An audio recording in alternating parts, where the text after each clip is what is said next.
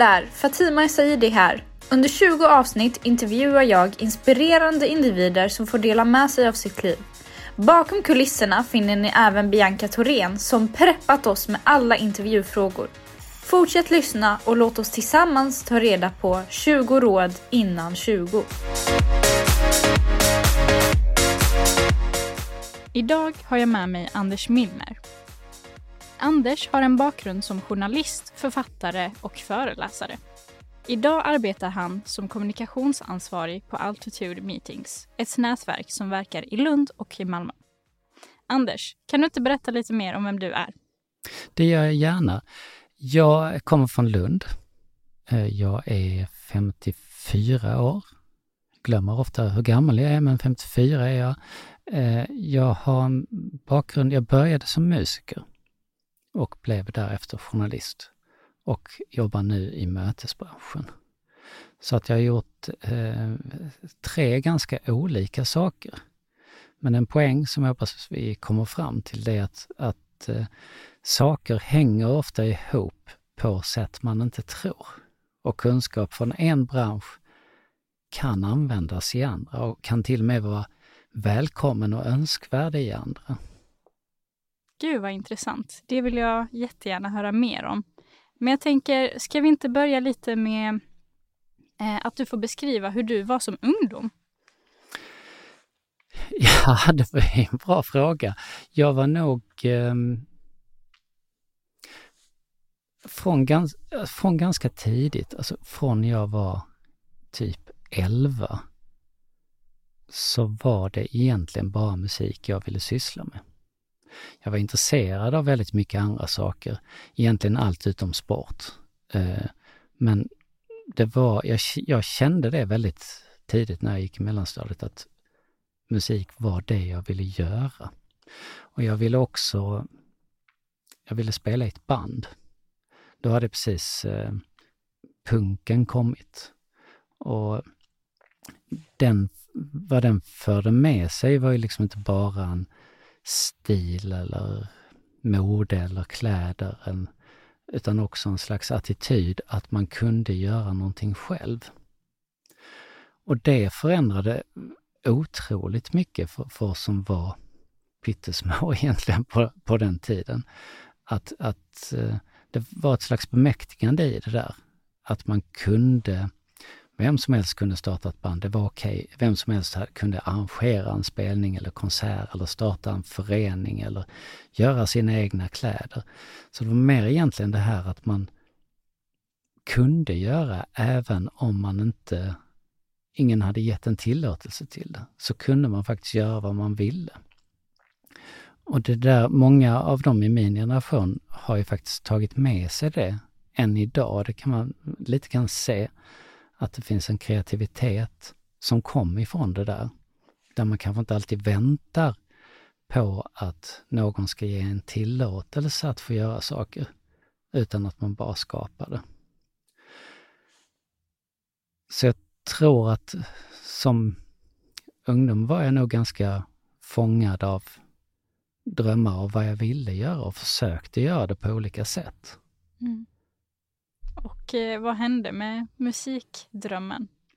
Ja, men den gick ju faktiskt i uppfyllelse och eh, vi hade först ett eh, eh coverband som hette Koxilasten som faktiskt mot all förmodan, vi sitter ju nu och spelar in det här i Stadshallen i Lund, Snett över gatan ungefär så finns det som heter Stadshuset. Där sammanträder kommunstyrelsen i Lund varje gång de har kommunstyrelsemöte. Ovanpå kommunstyrelsens sammanträdesrum har de eh, sex stycken mötesrum för Lunds kommun som de har namngivit efter band från Lund. Ett av dem heter numera Koxilasten. Oj. Vilket eh, vi inte hade kunnat eh, vänta oss, men det blev i alla fall starten på, på en, en läroprocess där vi lärde oss att spela och lärde att stå inför publik. Sen började vi göra egna låtar och fick skivkontrakt. Och eh, turnerade och spelade in skivor och åkte Sverige runt i några år. Gud vad kul! Det och, låter jättehärligt. det var eh, fantastiskt, men det, det, var också, känner vi nu i efterhand, det bandet hette Beagle, eh, var också eh, på många sätt liksom fyllda av, av lärdomar. En sak var ju att vi fick se Sverige. Och vi kom alla från Lund. Lund är en ganska skyddad verkstad egentligen. Liksom att det är inte, det är inte så här Sverige ser ut egentligen som det ser ut i Lund.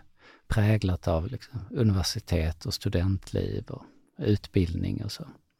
Så när vi kom ut och spelade i hela Sverige så fick vi faktiskt första gången se hur det, men, hur ser det ut i, i norra Sverige? Hur är det i Värmland en lördagskväll i en liten ort utanför en folkpark? Det är ganska, ganska, faktiskt ganska stora lärdomar om, om, om livet och om samhället som man lär sig den vägen, även om vi bara hade tänkt att vi skulle spela. Mm. Jag tänker att du beskrev den här känslan att du visste från att du var ung att du ville hålla på med musiken. Mm. Hur kunde du veta det? Och hur kändes det? Hur vet man som ung att det är det här jag ska satsa på? Så jag kommer faktiskt ihåg den stunden när jag kom på det. Jag vet inte riktigt exakt vad det var som, som, som gjorde det, men eh, det kändes alldeles självklart för mig. Men det var också på ett sätt ganska problematiskt. För att jag visste ju också med mig, men det är ju så att man kan sin historia som, som människa, man kan sin släkts historia, man vet varifrån man kommer. Och min familjs historia bakåt, bara en generation tillbaka så hamnar vi ju i arbetarklassen och inga möjligheter till utbildning och så vidare.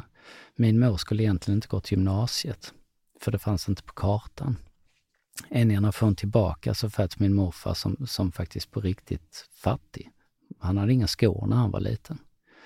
Där på vägen fram till jag föds så är det ju en utbildningsresa. Och man får möjlighet genom faktiskt politiskt och fackligt arbete att ges utbildning, att kräva utbildning. Alla har rätt till utbildning. Även de här arbetarklassungarna har rätt till utbildning det är ju på plats när jag föds 68 och då får vi dessutom en utbildningsexplosion på universiteten som gör att väldigt många börjar att studera för första gången. Jag vet ju det med mig att det de har kämpat för. Ska jag bara välja bort det för någonting annat? Det är ju inte helt rätt. Att jag gör något slags eh, eh väldigt eh, egocentriskt val att, att gå för mina känslor, vad jag skulle vilja göra. Och det kommer jag faktiskt ihåg att jag tänker på då när jag är runt 12. Lite grann sådär att, hur ska jag lösa det här då? Mm, så musiken kändes egocentrisk att göra? Det var ju mer någonting man ville. Jag vill göra det här för att jag gillar att göra det det är någonting i mig som känns rätt. Jag är hemma här när jag gör det, jag är inte hemma när jag gör det andra. Mm. Men hur kom du över den tröskeln då? Jag tror att jag har löst det där, för det har ju varit någonting som faktiskt har följt med i hela livet. Jag tror att jag har löst det där genom att säga till mig själv att det är okej okay att jag gör det. Men då måste det bli jävligt bra. Så jag kan vara med i ett band, men det ska vara världens bästa band. Mm. Jag kan bli journalist, men då ska den banne mig märkas att jag är det också. Då ska jag få ett genomslag. Jag kan sitta här och hålla på med möten idag eller konferens om det ska vara världens bästa. Det är kanske inte alltid ett snällt sätt mot en själv att lösa det, men innerst inne så är det nog så jag har tänkt. Mm. Det måste lyckas. För om det inte lyckas, då känner jag att jag har svikit det vad alla har kämpat för bakåt. Wow, vilken power! Eh, men jag tänker, kan man alltid följa sina drömmar eller måste man någon gång prioritera det som liksom verkligen måste göras eller borde göras? Ja, jag tror ju att man får vara lite realistisk också. Att eh, det, det, behöver man inte göra i, när man är ung, kanske. Jag tror att man ska tillåta sig att gå åt, åt ett håll som man drömmer om. Men att på, ha lite reality check på vägen. Vad händer egentligen om jag fortsätter den här vägen? Kan jag göra någonting av detta som gör att jag får en inkomst? Att jag kan försörja mig och kanske så småningom en familj? Vilket liv vill jag ha när jag blir äldre? Det tror jag är ganska viktigt. Det innebär inte att man måste göra avkall från sina drömmar. Det innebär bara att man tänker att den kunskapen jag genererar här, kan den ständigt vara i utveckling och, och användas till någonting annat. Klassiskt exempel är många som spelade samtidigt som, som, som mig, eh, är ju idag musiklärare. Mm. Väldigt få är fortfarande professionella musiker. Andra jobbar kanske med inspelning eller är tekniker eller sådär. Man kan fortfarande ha kvar, men om man lär sig hela tiden då kan man använda det på massa, massa håll. Skulle du säga att du redan som ung kunde se någon röd tråd i ditt liv? Nej, absolut inte. Men hur går det ihop med det du sa precis, att man det är mycket, lätt, alltså det är mycket lättare att vara 50 och prata sådana här saker än, än, att vara 19. Mm. Det är väldigt mycket lättare för saker faller på plats efter ett tag. Och den här saken som jag berättade om i början, det hade jag aldrig kunnat säga när jag var 25. Jag hade, jag hade kunnat känna det, men jag hade kunnat uttrycka det på det sättet. Mm. En annan sån liksom lärdom, och det tror jag faktiskt är ett, ett bra exempel. Om du tänker dig ett band, du har, vi var sex personer, stänger in dem i ett litet rum. Alla har saker de kan skruva upp. Man kan alltid bli högre och alla försöker överrösta så att man själv kan höras. Någonstans där måste du komma överens. Och ni måste tillsammans samsas vad ni ska göra, hur ni ska göra det, hur ni gör det bra. Det är en enorm läroprocess i, i att samarbeta. Den lärdomen tar jag med mig varenda gång jag har en workshop. Mm. Och jag kan vara en jättebra processledare, för jag har lärt mig de svåraste förhållandena som man någonsin har, nämligen det här stängda rummet med sex stycken 19-åringar. Med jättehöga gitarrer. Där, den hade jag inte sett innan, att, att det kan användas till det. Mm. Eller att det faktiskt är någonting, och det har hänt mig också, att, att folk har hört av sig till mig som sådana headhunting-firmor och sagt du har så spännande bakgrund. Och vi har märkt det att de som har den här musikerbakgrunden, de funkar ganska bra i, i röriga organisationer för de kan styra upp saker. Mm. Vad hände efter musikkarriären? Vad var nästa steg i ditt liv? Ja men som alla musikkarriärer så slutar ju de.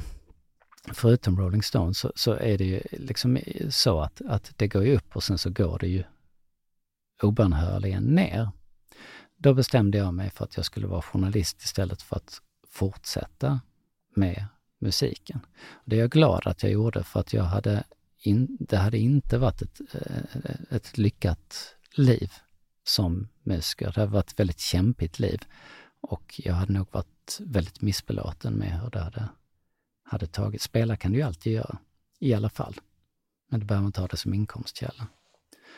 Gick du en eh, journalistutbildning då, eller hur Nej, det gjorde jag inte. Jag, hade börjat lite medan vi spelade på en studenttidning, Lunds nationstidning, och jag gick vidare till eh, tidningen Lundagård där PM Nilsson då var redaktör som nu är aktuell för att han har fiskat ål. Han är statsministerns eh, statssekreterare och fiskar olaglig ål.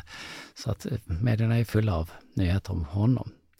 Eh, där skrev jag min första nyhetsartikel tillsammans med min kusin om en studentfest för manliga förtroendevalda där de hade hyrt in danska strippor. De var ju förtroendevalda av studenterna och så använde de det förtroendet till att hyra in danska strippor. Det tyckte vi var fel. Vi tyckte inte att man bör uppföra sig så. Man tyckte att det var fel på så många plan. Eh, så vi skrev en kritisk nyhetsartikel om det och den artikeln exploderade. För den hade liksom alla ingredienser som behövdes för att någonting skulle bli en skandal. Förtroendevalda, unga manliga studenter och det här sleazy beteendet. Så den slogs ju upp i kvällspressen och i Sydsvenskan och det blev ett jäkla liv kring den. Och i och med att vi hade skrivit den så var vi plötsligt någon man fick ögonen på. Så att då fick vi båda sommarjobb på Sydsvenskan som en följd av den ena artikeln. Wow, vad kul! Så det var egentligen en snabb väg in i journalistiken. Mm. Det låter lite som att du är en sån person som vill göra avtryck och liksom ta upp tuffa ämnen. Håller du med mig om den bilden? Jag tror, inte man, alltså jag tror inte man sysslar på något sätt med samhällsfrågor om man inte tycker saker om dem. Om man inte vill förändra någonting. Jag skulle säga ungefär sju av tio journalister blir journalister för att de vill förändra någonting. Och tre av tio för att de helt enkelt tycker det är kul att skriva eller prata eller filma eller vad det nu kan vara. Mm. Men vad är det som driver dig till att vilja de här sakerna? Ja, det är frågan om du frågar mig nu eller då. Men jag, jag, gemensam nämnare är ju egentligen att, att eh, det finns väldigt mycket vi skulle kunna göra för att skapa ett bättre samhälle och för att göra samhället bättre. Och då behöver vi prata om dem, vi behöver peka ut det som är fel, vi behöver diskutera med varandra om hur vi kan göra saker bättre. Sen är man nog, idag är jag nog mer inne på vad kan jag göra själv? Vad kan jag bidra med som gör en faktisk skillnad? Är man yngre så är man kanske mer, eller jag var mer inne på att peka ut saker som var fel och peka finger. Och säga att det här är väl för jävligt liksom. Kolla på den här mannen, vad han har gjort, det är väl inte okej? Okay?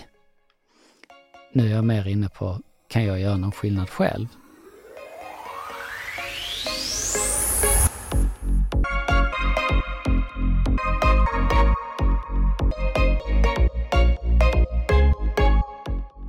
Jag tänker um, att vi ska gå tillbaka lite till varför du tackade ja till att vara med i eh, det här avsnittet. Eh, för du beskrev för mig eh, på LinkedIn att du gärna vill prata om hur olika saker som inträffar i ens liv kan ha en röd tråd och att man kan inse det flera år i efterhand. Ja, och jag tror Alltså egentligen två saker. Den ena, det, det finns en musiker som heter Brian Eno som jag hörde en intervju med som sa någonting som fastnade oerhört mycket för några år sedan. Och han sa att många människor betraktar folk som skapar saker, som är kreativa, som en, en slags andra människor än de själva. Och att vi går omkring med bilden av att om man tänker så, Beethoven. Beethoven hade alla symfonier i sitt huvud, liksom man behövde bara föra ut dem på papper. Eh, men om man tror det då, så är man ju själv någon annan person och den här andra personen som inte har fötts med de här begåvningarna, de kan aldrig skapa någonting. Och vad vi måste göra då, det är att vända på bilden och säga att vi kan alla göra allting. Vi måste bara lära oss det. Vi måste bara säga till oss själva också att vi kan faktiskt, om vi är beredda att lägga ner tillräckligt mycket hårt arbete, så, så, så kan vi faktiskt skapa vad som helst. För mig blev det en, en väldig insikt att, att hur mycket vi låser in oss själva. Och även jag som har gjort väldigt mycket skapande har också låst in mig själv, men framförallt har jag sett hur andra sagt att nej, det kommer jag aldrig kunna göra.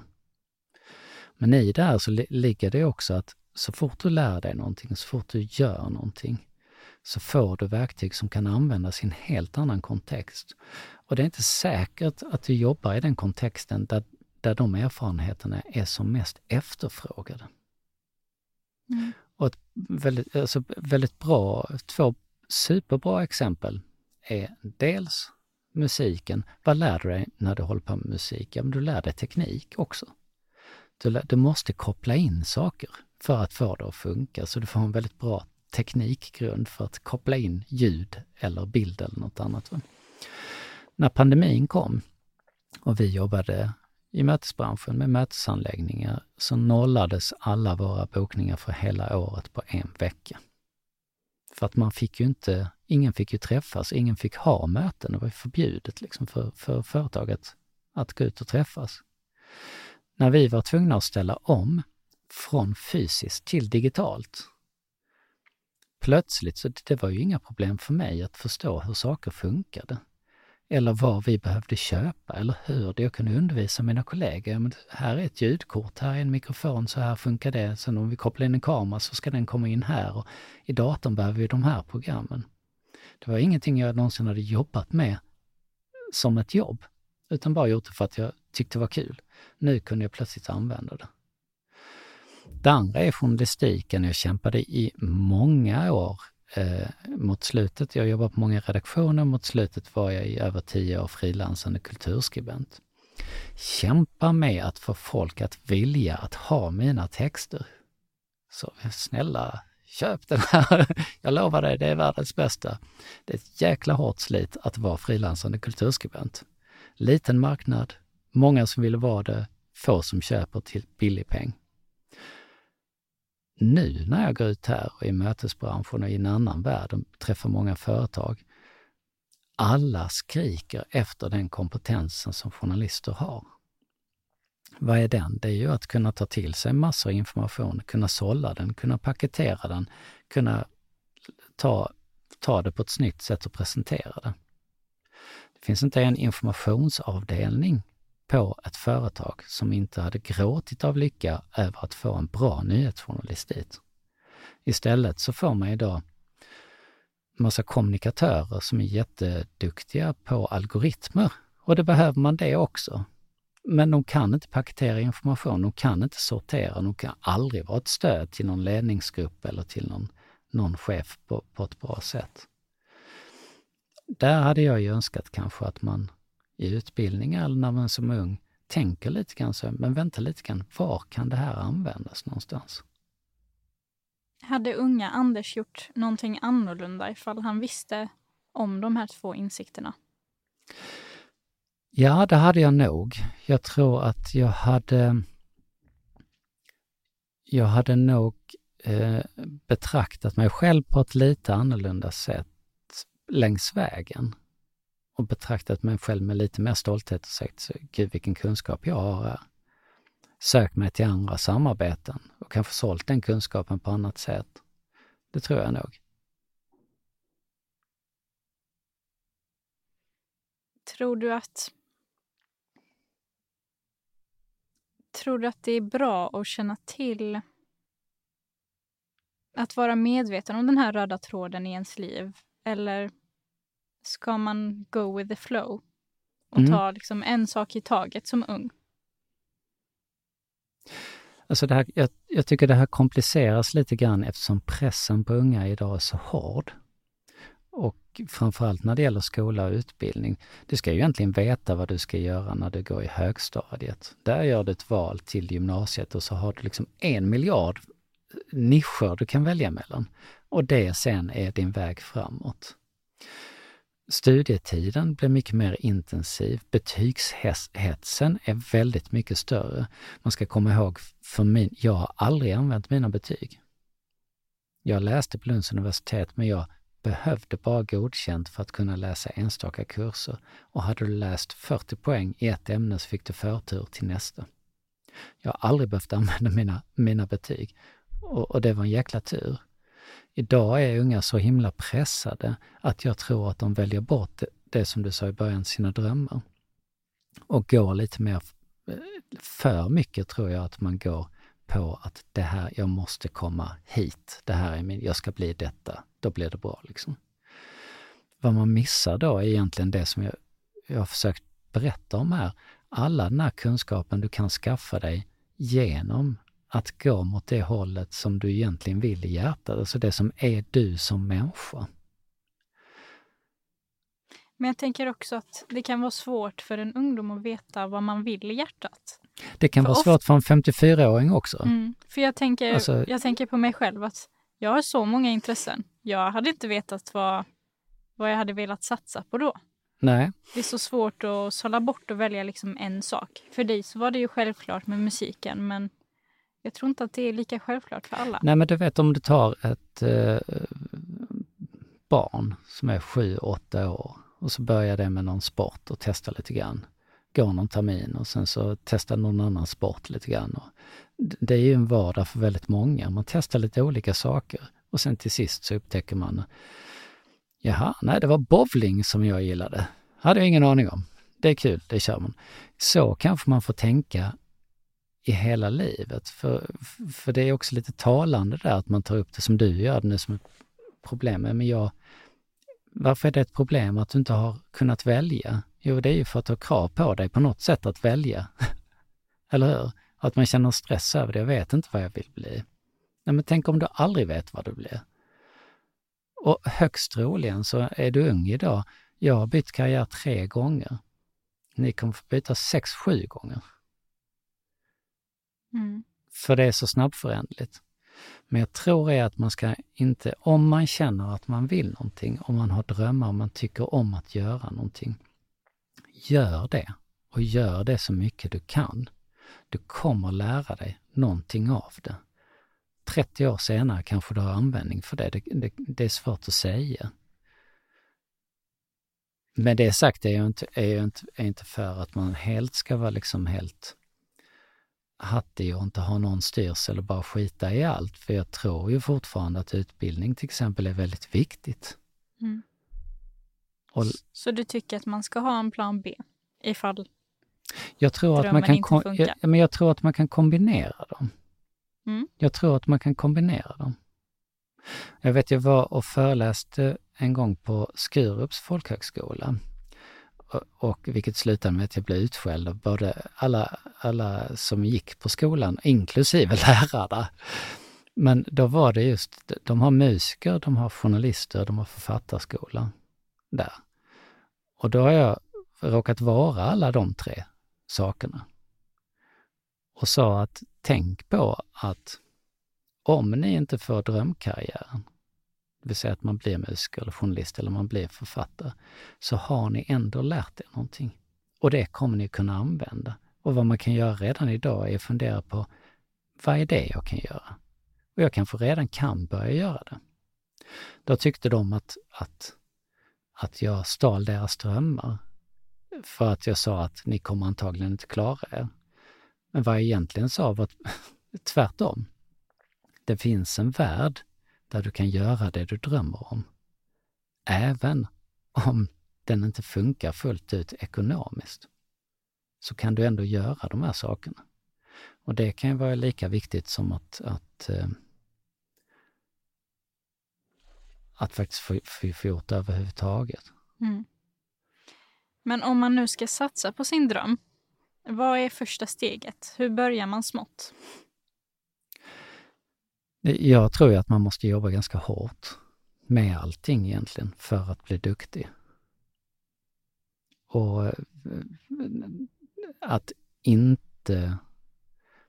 Jag menar att inte slappa för mycket, helt enkelt. Har du en dröm så är det bara upp till dig om du uppfyller den eller inte. Och, och det, kan ju vara, det kan ju vara himla svårt. Det är väldigt lätt att sitta och scrolla i sin mobil i tre timmar på kvällen. Det kan vara svårare att sitta och öva på någonting som, som är lärdom för, för din dröm. Men det är ju faktiskt just när man är ung som man har tid att sitta och träna och sitta och öva. Det är mycket svårare när du jobbar, du kan få familj, du kan få ha barn. Din tid att göra saker utanför allt det där, den, den är väldigt, väldigt liten. Men det är aldrig för sent. Det tycker jag inte att det är faktiskt. Det tycker jag inte att det är. Och jag tycker att det är väldigt hoppfullt när man ser äldre människor visa att man kan faktiskt våga svänga om, man kan våga göra det man kanske hade dröm, drömt om hela tiden. Ska man fortsätta drömma genom livet? Har du liksom nya drömmar nu? Ja, men det har jag. Mm. Det har jag. Det, det finns ju mycket att göra, eller hur? Mm. Vill det kan du berätta om någonting? Nej, men jag skulle jättegärna vilja skriva mer, till exempel. Eh, och skriva fler böcker. Håller på, jag har skrivit eh, en riktig bok, en fackbok om, om ljud och eh, varit med i massa antologier. Och jag skulle jättegärna vilja skriva mer. Eh, håller på med en bok nu som är kopplad till mitt jobb som handlar om möten och mötenas historia. Men jag skulle även vilja göra lite andra eh, projekt. Jag har en dröm där att, att skriva texter till en folkmusikgrupp eh, som jag haft kontakt med där eh, text och eh, musik, där de skulle skapa musik av då, där texten skulle kunna läsas upp som en, som en del av en föreställning. Eh, den är, är lite mer osäker om det kommer att bli av överhuvudtaget. Men den typen av saker som är lite mer konstnärliga skulle jag jättegärna göra. Mm. Vad kul. Eh, jag tänkte att vi snart kan börja runda av. Eh, men innan det så vill jag läsa upp en event, ett eventbeskriv... Vad säger man? En eventbeskrivning. En eventbeskrivning eh, för ett event som du håller i på fredag. Som jag faktiskt ska gå på. Eh, Du kallar det för Fejla dig till din framgång. Eh, Och du har skrivit så här. Eller jag vet inte om det är du som har skrivit det, men någon har skrivit det. Varför är vi så rädda för att dela med oss av vår kunskap? Varför är klokheter och insikter nästan alltid försedda med prislappar när de borde vara gratis? Välkommen till Anders Milners inspirerande föreläsning om vad som skulle hända med samhället och oss själva om vi istället för att hålla inne på allt vi vet aktivt såg till, såg till att sprida kunskapen till andra. Vill du berätta lite om hur du kom på det här konceptet?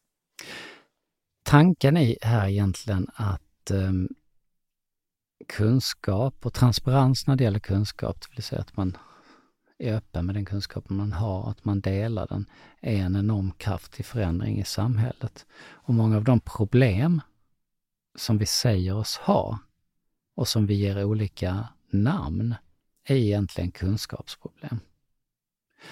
Eh, idag när vi lever i ett samhälle som blir allt mer rasistiskt, allt mer polariserat, allt mer präglas av liksom rädsla för det främmande. Och det främmande är ju liksom allt, allting nu för tiden.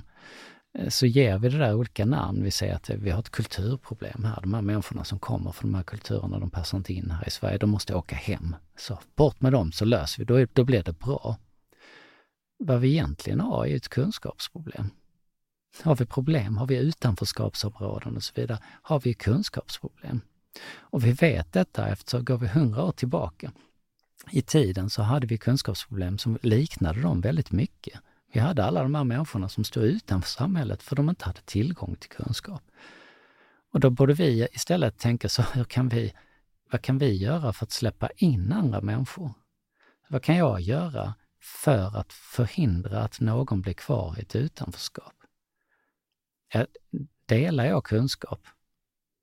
Delar jag till exempel nätverk för den till, här, kom in, jag kan hjälpa dig, du kan få kontakter, du kan få ett jobb.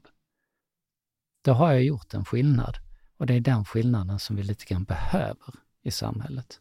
Och vad den här föreläsningen handlar om, den handlar om att vi stänger in kunskap på ett sätt som eh, är fullständigt vansinnigt. Och som om vi hade betraktat den eh, andra tillfällen i historien. Säg att vi, vi kommer på att, hur man trycker böcker. Och så kan vi skapa ett bibliotek och så finns all kunskap vi har i hela världen i det biblioteket.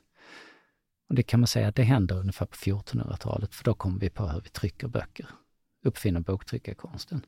Men vi väntar 400 år med att släppa in folk till biblioteken, för det är först på 1800-talet som vi får bibliotek. Och då kan vi tycka idag att det, det var dumt på 1400-talet, för man borde ju såklart ha öppnat dem. Men med massor av saker så tänker vi fortfarande så här att vi håller inne med kunskapen. Vi ska ha det, men de ska inte ha det. Och hade vi tänkt annorlunda, om vi dessutom hade betraktat då våra stora utmaningar, så demokratins utmaning eller klimatutmaningen, som att vi alla skulle vara en del och hjälpa till att lösa dem. Det är inte någon annans ansvar, det är allas vårt ansvar. Då hade vi faktiskt kommit väldigt, väldigt långt. Så meningen är att svänga om med sättet som du betraktar kunskap och vad du själv faktiskt kan bidra med. Så kan vi förändra samhället på ett rätt radikalt sätt, på ett sätt som jag tror hade blivit bra. Mm. Gud vad spännande. Det ska bli kul att höra mer på fredag. Har du några sista ord som du vill dela med dig av till en yngre målgrupp? Vad ska de tänka på?